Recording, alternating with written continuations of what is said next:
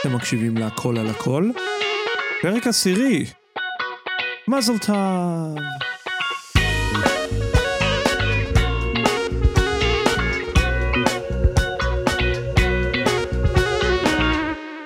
מה המצב חברים וחברות? שמי עידן, אני מורה לפיתוח קול וזמר.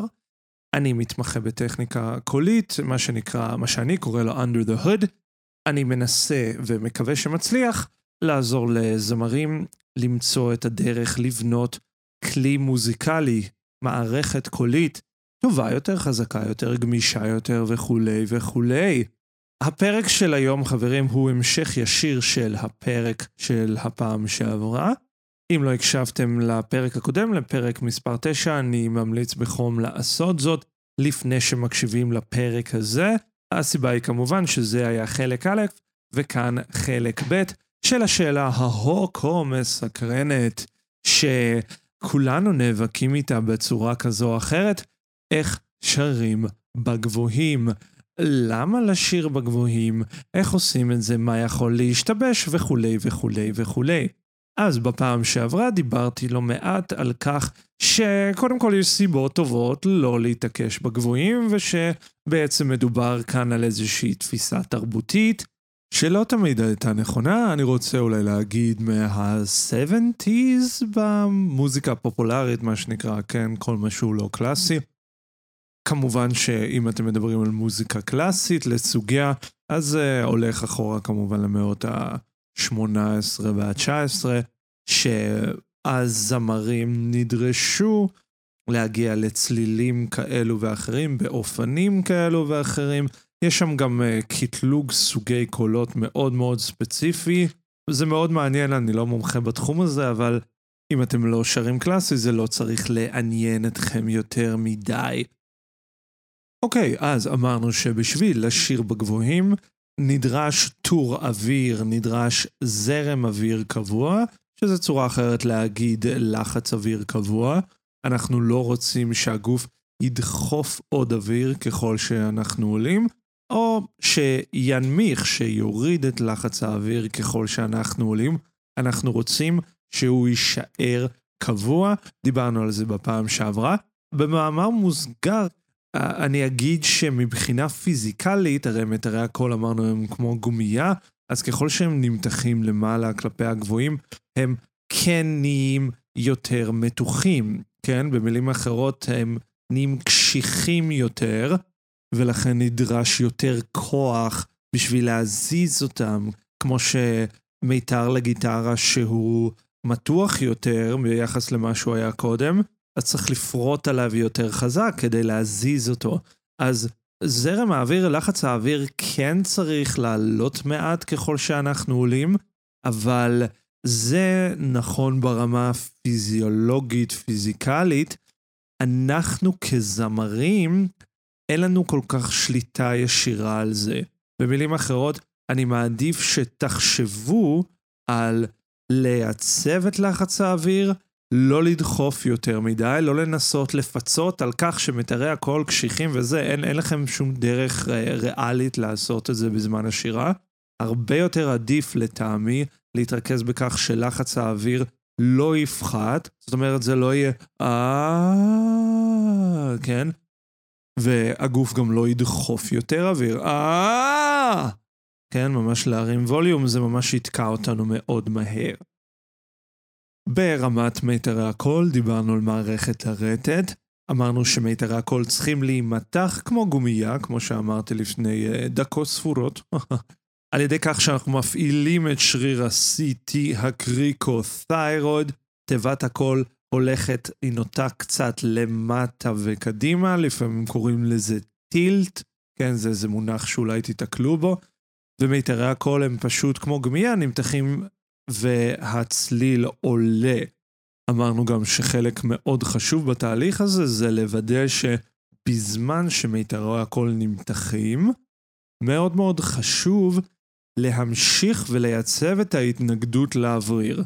לפני רגע אמרתי שמערכת הנשימה, כן, מערכת הכוח, לא יתגבר באופן פתאומי, במילים אחרות שלחץ האוויר יהיה יציב, אבל מהצד של מיתרי הקול, אנחנו צריכים לוודא שככל שאנחנו מדקקים, נהיים דקים יותר ונמתחים, אנחנו לא נאבד את ההתנגדות הזאת לאוויר. זה בעצם חלק גדול ממה שזה אומר ללמוד לשיר בגבוהים, בדיוק לעשות את זה. להידקק ולהימתח, ולשמור על ההתנגדות לאוויר. עכשיו, כמה מילים רק על מה זה להידקק, הבנו את החלק של להימתח, אבל תחשבו שמיתרי הקול, אין להם רק אורך, אלא גם יש להם עובי. זה כמו איזה, תחשבו על איזה ג'לי כזה, כן? כמו פלסטלינה מאוד נוזלית, כמו על אוברה נניח, שככל שאנחנו מזרימים דרכו אוויר, הוא הופך את אנרגיית האוויר לאנרגיית קול, כן, אמרנו שקוראים לזה אוסילציה, אז לג'לי הזה, לשכבה הערירית הזאת שאנחנו קוראים לה מיתרי הקול, יש לה לא רק אורך, כן, שאפשר להעריך ולהתקצר, אלא גם יש לה עובי. עכשיו, העובי כלפי מטה בעצם, העובי קשור מאוד לשאלה כמה אוויר עובר. במילים אחרות, שאלת כמה עבים מיתרי הקול בפיץ' מסוים, בצליל מסוים, קשורה לשאלה כמה אוויר עובר, לשאלת משך הסגירה, אבל היא לא זהה. במילים אחרות, מיתרי קול עבים יותר נוטים לבוא עם משך סגירה גדול יותר, ומיתרי קול דקים יותר נוטים לבוא עם משך סגירה קצר יותר או נמוך יותר לצורך העניין. זה קצת לא אינטואיטיבי לנסות לבודד את הפרמטר הזה, אבל uh, אם אני אנסה להדגים, זה יהיה משהו, כמו אני אנסה להדגים את זה בווליום נמוך, זה יהיה נגיד מיתרי קול עבים יותר, יהיו... מיתרי קול דקים על אותה תנועה, על אותו תו, יהיו משהו כזה.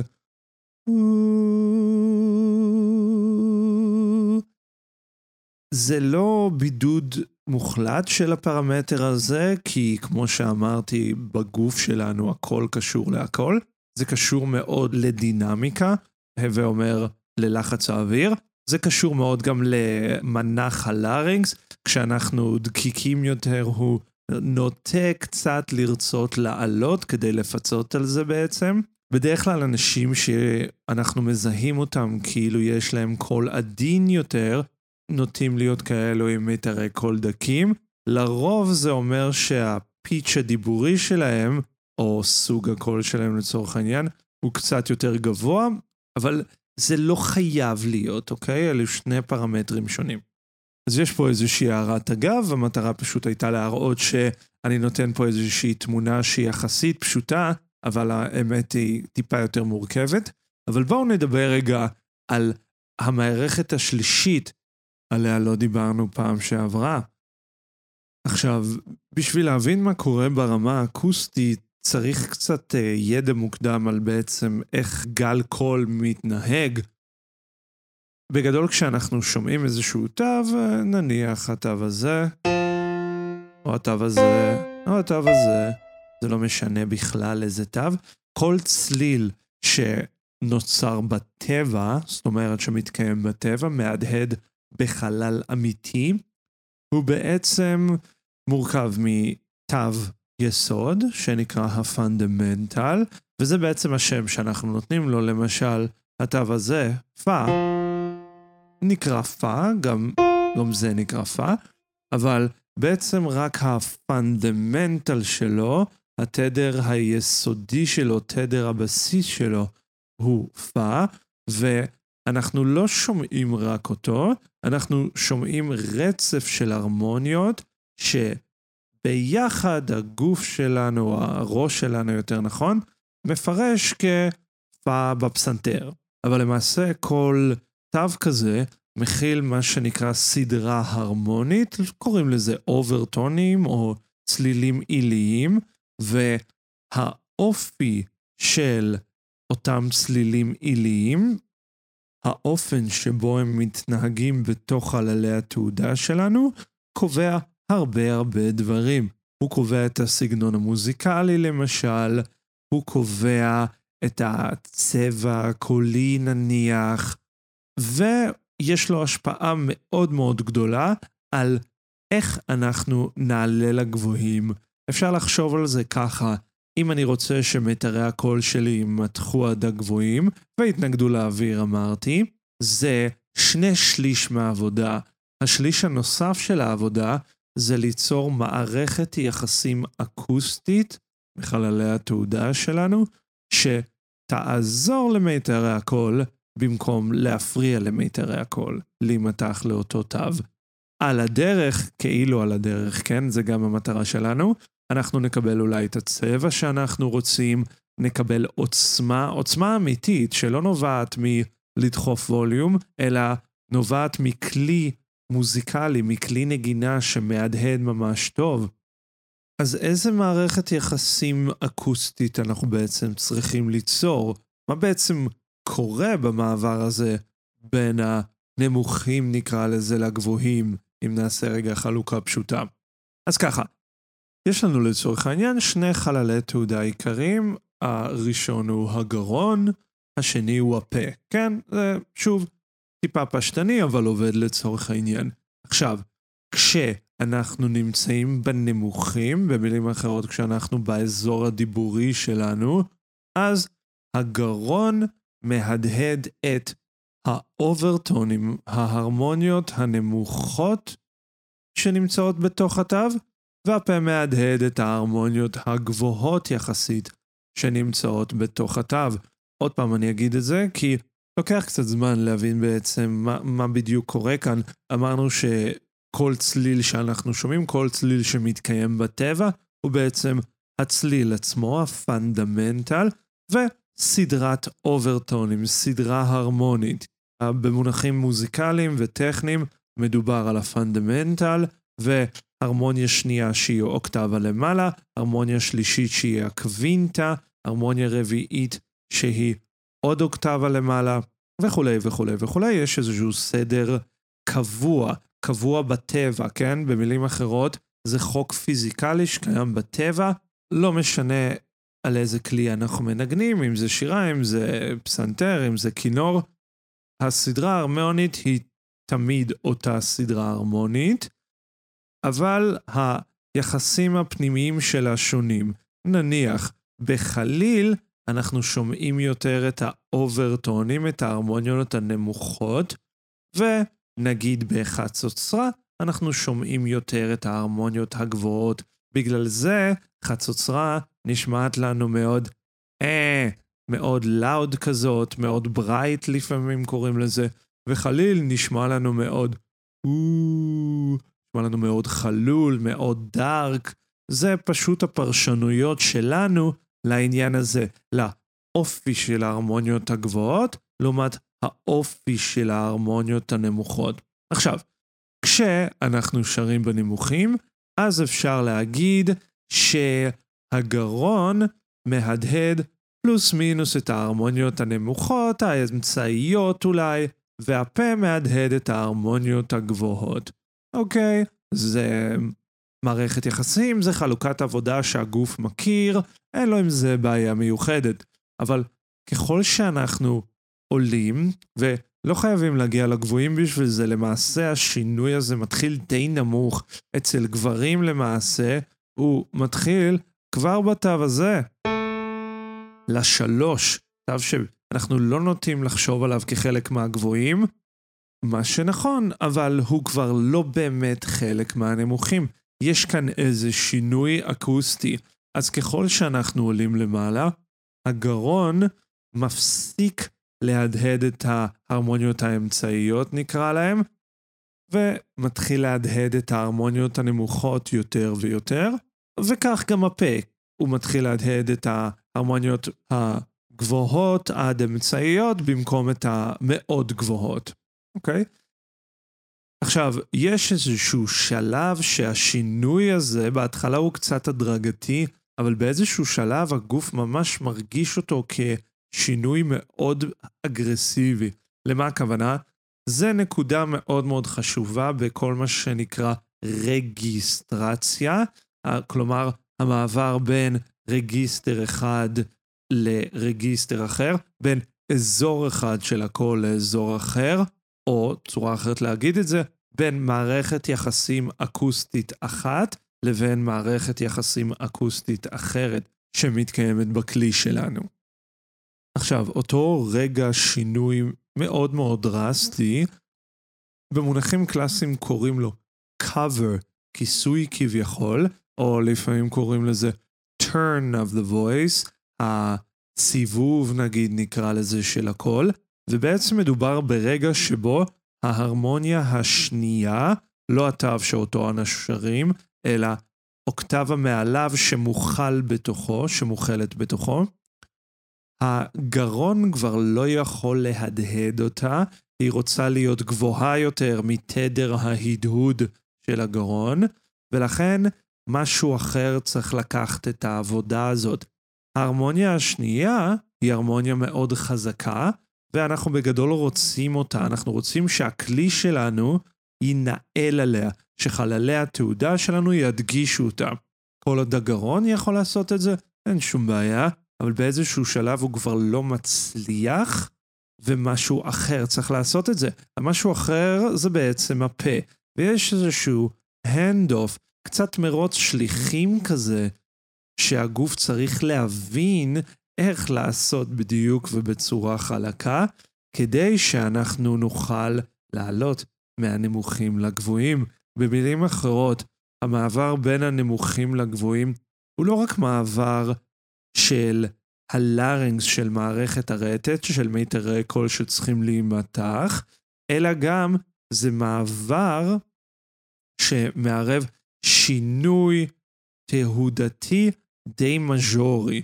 עכשיו, ישנן בגדול, כן, במונחים uh, מאוד כלליים, ישנן שתי אסטרטגיות, שתי פתרונות לשינוי הזה, למעבר התעודתי הזה.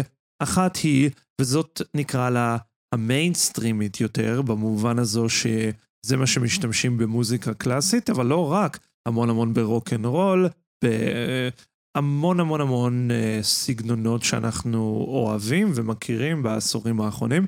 זה בדיוק לעשות את זה, זה לעזור לגרון להעביר את העבודה הזאת, את המטלת ההדהוד הרצוי הזה, להעביר אותה לפה. זה בגדול מה שהוא מנסה לעשות. לאסטרטגיה הזאת יש כל מיני שמות. שם אחד זה מיקס, זה מה שנקרא מיקס וויס. שוב, זה מונח מאוד מבלבל, תלוי את מי אתם שואלים. ומתי אתם שואלים אותה. אני אדבר על זה בנפרד, אבל לצורך העניין אני אקרא לה מיקס. והאסטרטגיה השנייה, שמאוד נפוצה בעיקר במחזות זמר, ובעיקר בעיקר אצל נשים, במילים אחרות, ההבדל בינה ובין האסטרטגיה הראשונה הוא יותר בולט אצל נשים, מכל מיני סיבות, נדבר על זה בהזדמנות. היא אסטרטגיה שנקראת בלט, והאסטרטגיה הזאת משמעותה בדיוק הפוך. במקום שהגרון יעביר את העומס, יעביר את העבודה לפה, הוא מתעקש עליה ונאחז בה ולא מוותר עליה כמעט בכל מחיר. התוצאה של זה לרוב זה סאונד שהוא מאוד מאוד bright. משהו כזה, בעוד שהתוצאה של האסטרטגיית נקרא לה את המיקס זה משהו יותר בכיוון של ויש לזה כמובן חשיבות מאוד גדולה למיקום של ה larynx, של תיבת הקול, ובמיוחד לתנועה אותה אנחנו אומרים. למעשה אחת המטלות הכי חשובות של המורה לפיתוח קול, או המורה לפיתוח קול איתם אתם עובדים, היא בדיוק זו, היא ללמד אתכם לעשות את המעבר הזה, ללמד את הגוף או את האסטרטגיה הזאת, או את האסטרטגיה הזאת. כמובן שאפשר לשלב במידה כזו או אחרת, זה לא אה, חד וחלק כמו שהצגתי את זה כאן, אבל אני חושב שאם אתם נאבקים עם המעבר הזה לגבוהים, אי אפשר באמת להתייחס לסוגיה הזאת מבלי להתייחס לסוגיית הרגיסטרציה, המעבר האקוסטי הזה. זה כאמור מעט שונה בין גברים לנשים, וזה כאמור מאוד משתנה בהתאם לאסכולה של המורה, ובעיקר למען האמת מבחינה סגנונית. אסטרטגיית ה belt במובן הזה אותו הזכרתי, נפוצה בעיקר במחזות זמר, לא הקלאסיים כל כך, יותר האלו של השנים האחרונות. זה מאוד בולט אצל נשים, זה יותר ויותר נפוץ גם אצל גברים. נפוץ גם בפופ של נשים, לא כל כך בפופ של גברים כיום, אבל בעיקר בפופ של נשים.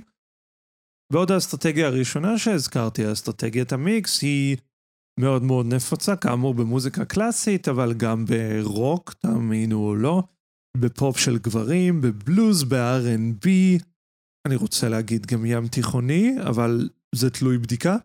והמסקנה בגדול שאתם צריכים לזכור כאן זה שלא רק שזה תלוי סגנון, אלא יש לזה גם השפעה טכנית מאוד.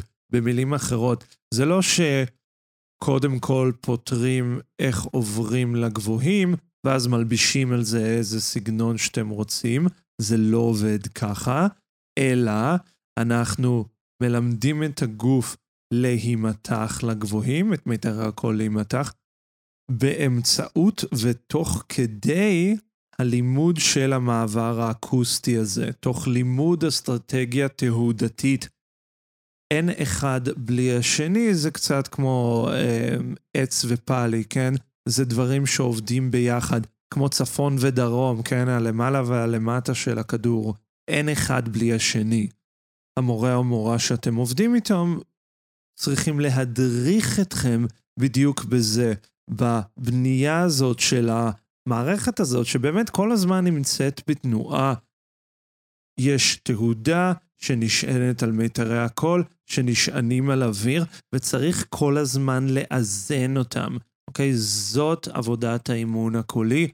המורה או המורה שלכם, תפקידם בעיניי, זה לתת לכם תרגילים מתאימים שיקחו את הגוף שלכם לכיוון הזה, וכמובן יתקנו אתכם וידריכו אתכם כשאתם צריכים עזרה, יטפחו לכם על השכם כשעשיתם עבודה טובה, וגם שיטפחו על השכם כשעשיתם עבודה לא טובה, כי זה לא כזה קל להם לעשות את זה.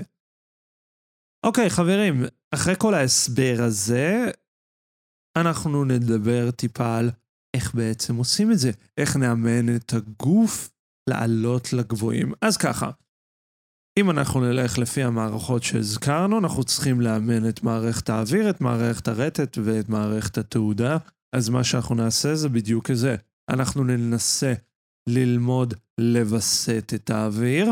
צורה אחת לעשות את זה, זה תרגיל מאוד מאוד נפוץ, זה להוציא את כל האוויר, ואז להגיד את האות Z, כן, עם שווה.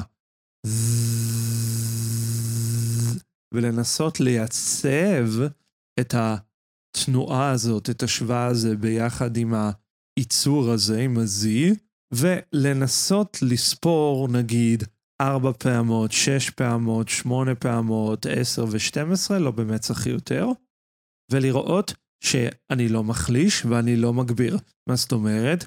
מה זה להחליש?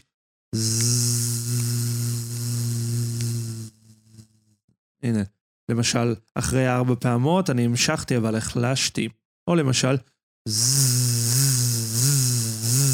אתם שומעים שאומנם ספרתי, אבל כל פעם היה איזה דחיפה של אוויר.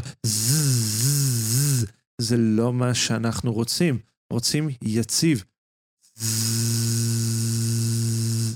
דבר נוסף, למשל, אם אנחנו רוצים לעודד את מיתרי הקול להידקק ולהתנגד לאוויר, אנחנו נעשה את זה כמובן ביחד עם מערכת התעודה, כי אי אפשר באמת להפריד אותן. אפשר למשל לקחת את התנועה או, כמו או, וואו, שפתיים צריכות להיות קצת ארוכות ועגולות, ולהגיד או, על הסאונד הזה שהוא נשמע קצת עייפי, נשמע קצת מבעבע. לסאונד הזה קוראים ווקל פריי, אני אדבר עליו בהזדמנות, אבל אם תוציאו את האוויר, ואז תגידו, אוף, תשימו לב שזה לא אוף, או אוף, או אוף, כן, שאין לי את הסאונד הזה. צריך, נגיד, לפהק, אה, ופשוט לנחות לתוכו, ולהגיד בפנים את התנועה או, ואת זה, ברגע שמצאתם את זה, את זה אנחנו לוקחים למעלה. משהו כזה.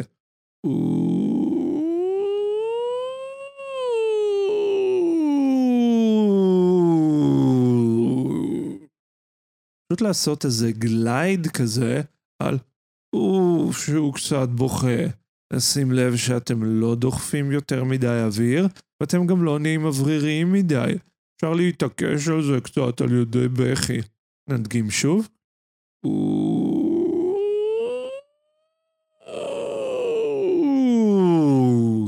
או, אם אתם רוצים, אתם יכולים לעשות זה על התנועה E, שהיא תנועה אה, חשובה בפני עצמה. בואו ננסה. E...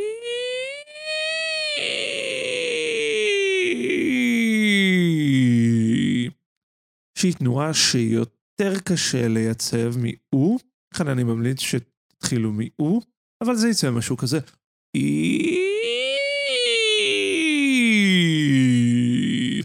וחשוב לא רק להימתח לגבוהים, אלא גם להרפות לנמוכים, במילים אחרות, לא לחשוב רק על הלמעלה. זוכרים, אנחנו לא חושבים למעלה, אנחנו חושבים רחוק. לא לחשוב רק על הרחוק, אלא גם על הקרוב.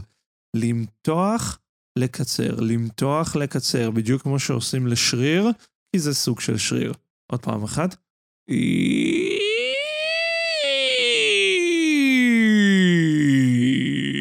ולשמור על התנועה, על ה-E, 1, 2, 3, E, לשמור עליה שלא תזוז. נסו לשחק עם זה קצת, חברים, תראו מה זה עושה. זה לא ייתן לכם קול גדול וגבוה כמו ביונסה או כמו קריס קורנל בן לילה, אבל זה כן יתחיל לייצב את המערכת, זה כן יתחיל לבנות תשתית נכונה. עד כאן חברים, תודה ששרדתם עד עכשיו בפרק בשני פרקים מאוד מאוד טכניים אלו. אם הכל לא היה ברור, זה ממש בסדר, לוקח לא מעט זמן להשתלט על הקונספטים האלו, זה לא מובן מאליו בכלל. עד הפעם הבאה, חברים, תתנסו עם התרגילים האלו, תראו מה זה עושה. אם זה עובד, מעולה, תרגישו איתם קצת יותר בנוח. אם זה לא עובד, צריך לעצור ולראות מה בדיוק יוצא מאיזון. אתם יכולים כמובן ליצור איתי קשר. או לדבר כמובן עם המורה או המורה שלכם, לבקש מהם תיקונים, וכמובן אתם מוזמנים לשלוח לי מייל או ליצור איתי קשר. אני נמצא בעידנליבשטרודלג'ימייל.קום ויש לי גם אתר בכתובת עידנליב.קום ואפשר כמובן לעקוב אחריי באינסטוש, שם אני מדגים וחולק קטעים מהאימונים שלי וביצועים של שירים. אני פשוט נמצא ב-the.עידן ליברמן. עד הפעם הבאה חברים, היה תענוג, נדבר בקרוב, תשירו, תצחקו, תעלו למעלה, תרדו למטה, ותהנו מהכלי המופלא הזה שיש לנו.